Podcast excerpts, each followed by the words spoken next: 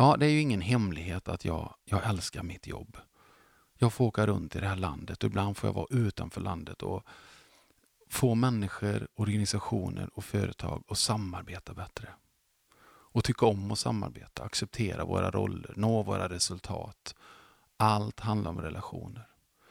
Men det är ofta efter föreläsningen jag blir sittande med någon på tu man hand. Och de samtalen hamnar oftast i relationen till partnern i livet.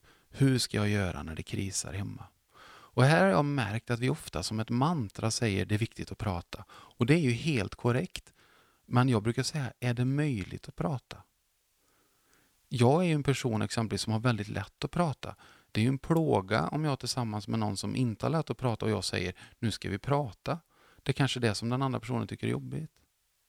Samtidigt är jag sån att när jag väl hamnar i, när jag blir riktigt sur och arg, då, då, kan jag, då blir jag bara helt tyst och kall och blir som en glaciär som bara rör sig långsamt åt vänster ungefär.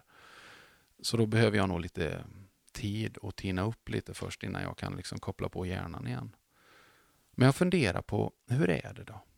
Jag, jag vet själv när, när jag och mitt ex innan vi skilde oss, jag vet att varenda kväll släckte lampan, jag bara kände att det var en mörk tornado inom mig som rev runt som en orkan.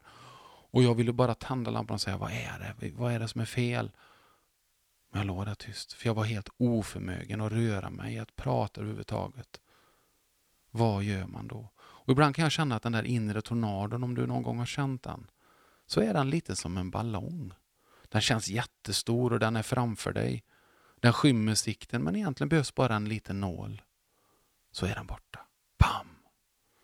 Ibland behöver vi en nål och sticka hål på den här ballongen för den här tornaden är bara i vår fantasi. Och egentligen är det bara en fråga. Hur är det egentligen? Och sen får den andra partnern säga att jag vill inte prata om det eller jag vet inte. Men någonstans så, så kan vi alltid öppna upp med någonting. Och det, det är så enkelt att säga, jag upplever så här. Jag upplever att det är sämre, jag upplever att jag orkar inte när det är så här. Jag upplever dig som kallare. Och när vi tar det lite fredligt, det är väldigt bra att prata när man sitter i en bil för då sitter man jämte varandra. Det är väldigt svårt att hamna i attackläget då. Sen kan man ha lite timing med, alltså jag ska inte vara trött, jag ska inte vara hungrig, jag ska inte vara stressad. Man får ju tänka på när man tar de här grejerna. Men många gånger är det lite ett förhållande som med lampan i en bil. Jag brukar säga, nu hör du hur mycket jag vet om bilar, men när den röda lampan lyser i bilen, då vet vi, nu är det allvar. Det är väldigt få människor som ser den röda lampan lysa i bilen och så säger vi jag kör 100 mil till, så går det nog över. Nej, det funkar inte så. Jag måste åka till verkstad nu.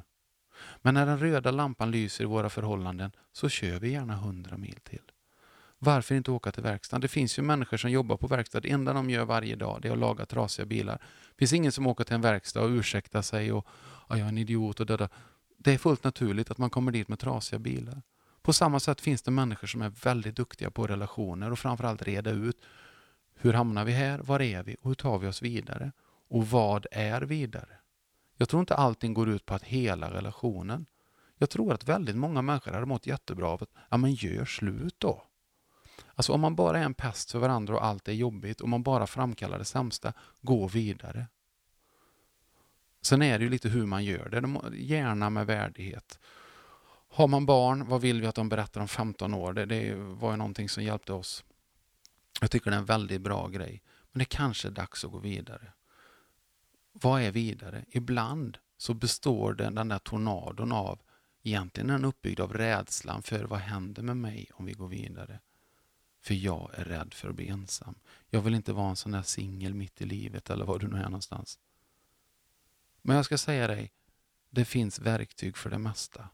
Och det finns människor som har gjort de här resorna i livet innan. Det finns så många att fråga. Du har vänner och så vidare, men just att fråga någon som är professionell, det är rätt nyttigt. Och framförallt någon som kliver in i samtalet så ni inte fastnar. Det är så lätt att man fastnar i sina skyttegravar. Nu säger du så, nu är det sådana. Därför att det är så mycket känslor med. Men har man någon utifrån som säger okej, okay, vänta lite här nu. Tyst nu Hasse, du pratar en massa. Nu tar vi tid, så att din partner får chans att hitta sina ord på det här. För det finns många gånger en väg tillbaka. Annars finns det en väg vidare. Relationer. Tänk att det är så spännande. Ha det bra så hörs vi igen.